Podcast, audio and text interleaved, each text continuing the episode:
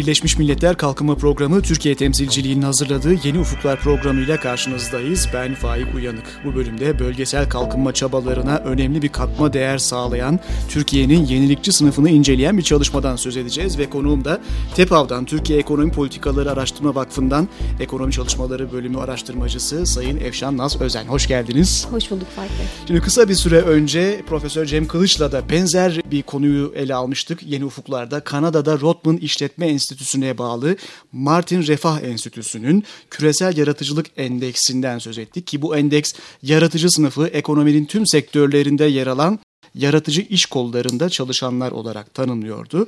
Siz de benzer bir çalışma yaptınız. Hı hı. Kısa bir süre önce yayınlandı Mart ayının başlarında ve e, siz de bu çalışmada Türkiye'deki yaratıcı sınıfı incelediniz. Gerçi tanımlamanızda farklılıklar var. Siz çalışmanızda Türkiye için bir yaratıcı sınıf tanımlaması geliştirirken yenilikçi sınıf diye bir kavram kullandınız. Öncelikle bu yenilikçi sınıfı oluşturanlar kimler? Kimler bu tanımlamanın içine giriyor acaba Türkiye'de?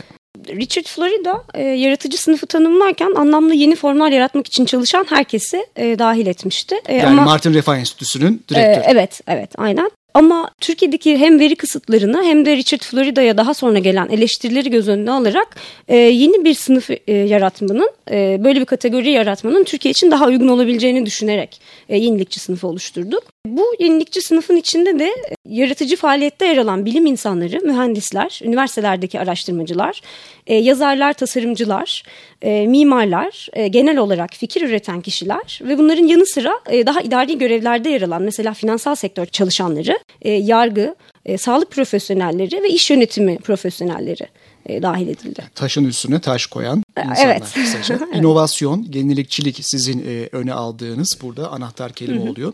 Türkiye'de yenilikçi sınıfın toplam çalışan nüfusuna e, oranı ne acaba ve en çok hangi iş kollarında bu insanları görüyoruz? Ee, benim hesaplamama göre Türkiye'de yenilikçi sınıf e, çalışan nüfusun %13.8'ini oluşturuyor. Türkiye'de bu tanımlamanın içerisinde aslında ağırlıklı olarak bilim insanları olmasına rağmen e, iş yönetimi profesyonellerin aslında daha e, yüksek bir orana e, sahip olduğunu görüyoruz. Bununla ilgili daha detaylı çalışmaları sürdürüyoruz. İlerleyen günlerde bununla ilgili bir çalışmada e, yayınlanacak. Yayınladığınız raporun devamı niteliğinde evet. yeni bir araştırmayı sürdürüyorsunuz ve biraz daha detaya o rapor sayesinde ulaşmış olacağız. Hı hı. Şimdi Türkiye'deki yenilikçi sınıf oranını diğer ülkelerle kıyasladığımızda ki %13.8 dediniz. Hı hı. Her çalışandan %14'ü yaklaşık yenilikçi sınıfa tabi o zaman sizin hesaplamanıza göre. Diğer ülkelerle karşılaştırdığımızda Türkiye'nin durumu nasıl acaba? Aslında bu karşılaştırma yapmak e, biraz tehlikeli çünkü e, Richard Florida'nın tanımlaması ile ülke verilerine ulaşabiliyoruz ve bu tanımlama Türkiye'nin benim yaptığım hesaplamadan biraz farklı. Türkiye için e, ona benzer bir hesaplamayı yaptığım zaman ben %21,5 gibi bir orana ulaşıyorum. Ülkeler arası karşılaştırma için bu oranı kullanabiliriz. Aslında o hesaplamayı kullansanız daha yüksek ee, bir daha yüksek. çıkacaktı. Ee, ama veriden kaynaklanan hatalar nedeniyle çok e, aşırı yüksek tahmin edildiğini düşünüyorum ben bunun. Bu hesaplamaya göre baktığımız zaman da Türkiye e, bazı Orta Doğu ülkelerine e, benzer bir şekilde e, çıkıyor. Birleşik Arap Emirlikleri, Katar, Suriye ve Cezayir'in arasında bir yerde yer aldığını görüyoruz. Şimdi çalışmanızda siz yenilikçi sınıfın yanı sıra yapısal yenilikçi çekirdek olarak tanımladığınız başka hı hı. bir çalışan kesiminden de söz ediyorsunuz. Hı hı. Bu kavram ne anlama geliyor acaba? Ee, şimdi yenilikçi sınıf, yenilikçi işler üretme potansiyeli olan herkesi kapsıyor.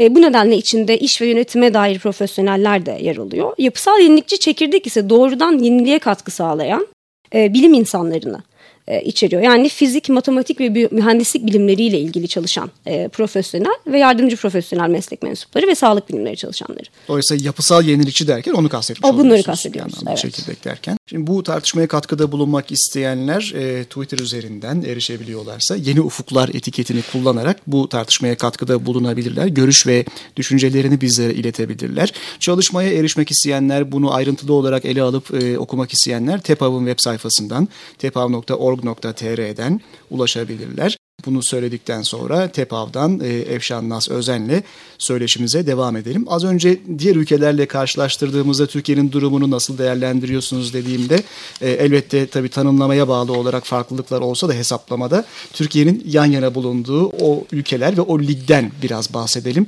Bu ne ifade ediyor Türkiye'nin yenilikçi sınıfı açısından? Şimdi şöyle ifade edeyim ben Türkiye'nin iktisadi gelişimine baktığımız zaman Türkiye dünyanın e, en büyük 16. veya 17. ekonomisi arasında gidip geliyor uzun zamandır. E, ama Türkiye'nin e, bu ekonomik büyümenin sürdürülebilirliğini sağlaması için uzun dönemde inovasyona dayalı bir büyümeye ihtiyacı var. Bu performansı gösteren şey de aslında e, yenilikçi olan iş gücünün ne kadar yüksek olduğuna bağlı olarak gidiyor. Ama bu performansa göre Türkiye'yi değerlendirdiğimizde Orta Doğu ülkelerinin arasında bulmamız Türkiye'nin uzun dönemli büyüme performansının sürdürülebilirliği açısından bu nedenle bir tehlike teşkil ediyor. Yani şu anda büyüme e, iyi gidiyor olabilir ama bir noktada durabileceğini ve e, uzun dönemli olarak sürdürülebilir olmayabileceğini söyleyebiliriz. Bu açıdan bir tehlike. Bu durumda inovasyona dayalı büyümenin sağlanması için e, ucu iki noktaya dayanıyor galiba. Eğitim bir boyutu. Hı hı. Bir yandan da istihdam politikaları. Hı hı. Bir yandan o insanları eğitip bir yandan onlara uygun kadroların, işlerin evet, üretilmesi kesinlikle. gerekiyor değil mi? Bu anlamda sizin politika önerileriniz nedir? E, bu çıkan sonuçlara bağlı olarak. Şimdi e, biraz bölgesel kalkınma e, açısından yaklaştım ben çalışmada. E, ondan e, bahsedeyim isterseniz. E, bölgesel yenilikçi sınıfın bir bölgede yer alması için yenilikçi sınıfın normal herhangi bir istihdamda çalışan personelden daha farklı istekleri olabileceği e, üzerinde Richard Florida'da duruyor. E, belki bu çalışmanın ilerleyen aşamalarında biz de durabiliriz. E, yani bir kişinin e, bazı bölgelerde çalışmayı tercih etmesi e, o bölgelerdeki e, yaşam kalitesi ve sosyoekonomik gelişmişlik standartlarına da bağlı olabilir. E, yani eğitim politikalarının güçlendirilmesinin yanında ve istihdam politikalarının güçlendirilmesinin yanında e, yaşanabilir e, kentlere de bu anlamda vurgu yapılabilir. Aslında bu aralar çokça verilen örneklerden birine değinmiş oluyorsunuz siz. İşte Türkiye'de Boğaziçi Üniversitesi'nden, ODTÜ'den mezun olan insanları İstanbul'un, Ankara'nın, İzmir'in dışında illerde yaşamaya ikna etmek için hı hı. ne yapmalıyız ki onlar orada çalışsınlar ve oraya katma değer sağlasınlar sorusunu bir anlamda siz bu şekilde formüle etmiş oluyorsunuz değil mi?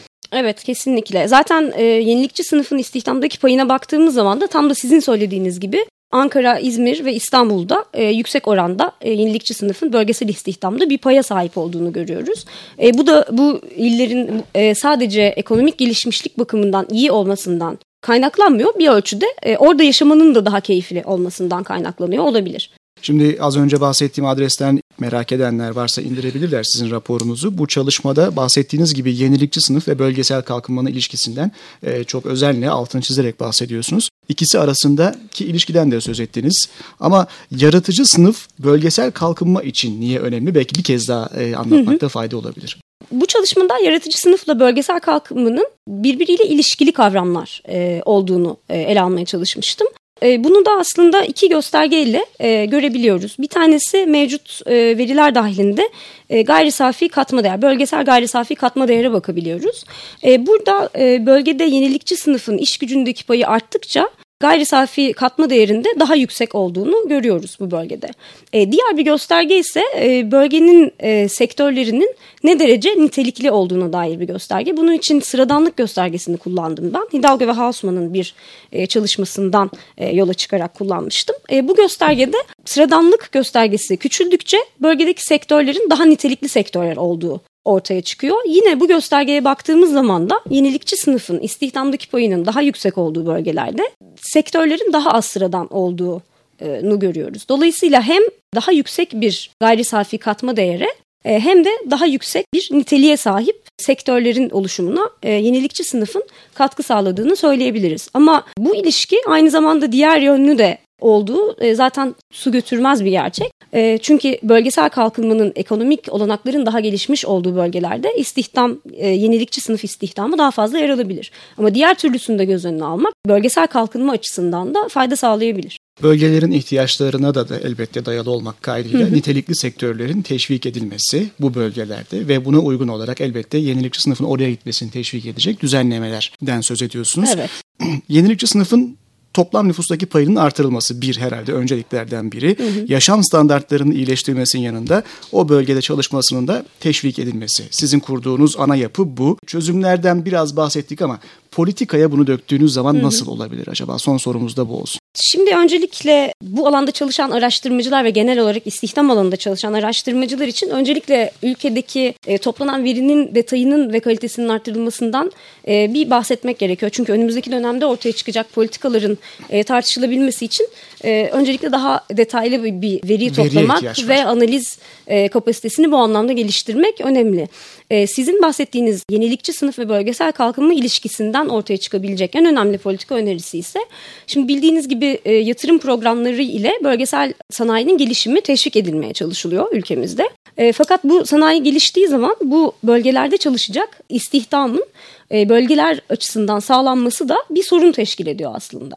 E, bu çalışmadan hareketle e, bölgesel kalkınmaya yönelik yapılacak yatırım çerçeveli planlara oradaki iş gücünün sizin de söylemiş olduğunuz gibi oradaki yenilikçi iş gücünün bölgede tutulmasının e, desteklenmesini sağlayacak. Yani bölgenin sosyoekonomik gelişmişlik ve yaşam kalitesi göstergelerinin iyileştirilmesini sağlayacak politikalar da buna ek olarak düşünülebilir. Aslında benzer e, kavramları daha önce Güven Sak'la TEPAV direktörüyle konuştuğumuzda Türkiye'den beyin göçü, Türkiye'den iş gücü göçüne hı hı. değindiğinde o da söylemişti o nitelikli insanları Türkiye'de tutmak için o şehirleri daha yaşanabilir hale getirmemiz lazım ki o insanlar da gitmesin ve onlara uygun işler yaratmamız gerekirdi. Siz bir anlamda bunu bölgeler bağlamında uyarlamış e, oldunuz. Çok teşekkür ederim katıldığınız için programımıza Sayın Efşan Naz Özen. Ben teşekkür ederim. Konuğumuz TEPAV'dan Ekonomi Çalışmaları bölümünden araştırmacı Efşan Naz Özen'di ve bu bölümde bölgesel kalkınma çabalarına katma değer sağlayan yenilikçi sınıfı inceleyen bu önemli çalışmadan söz ettik. UNDP Türkiye temsilciliğinin hazırladığı Yeni Ufukların bu haftalıkta sonuna gelmiş oluyoruz böylece. Programı Ankara Üniversitesi İletişim Fakültesi Radyosu Radyo İLEF'te hazırladık. Programımıza İstanbul'da FM bandında ve internette Açık Radyo'dan, 50'ye yakın ilde polis radyosundan, yayın ağımızdaki üniversite radyolarından, Kıbrıs'ta Maysay Radyosu'ndan, podcast formatında iTunes, SoundCloud ve Audioboo üzerinden ayrıca tr.undp.org adresinden ulaşabilirsiniz. Sosyal medya üzerinde kullanıcı adımız UNDP Türkiye. Tekrar görüşmek dileğiyle, hoşçakalın.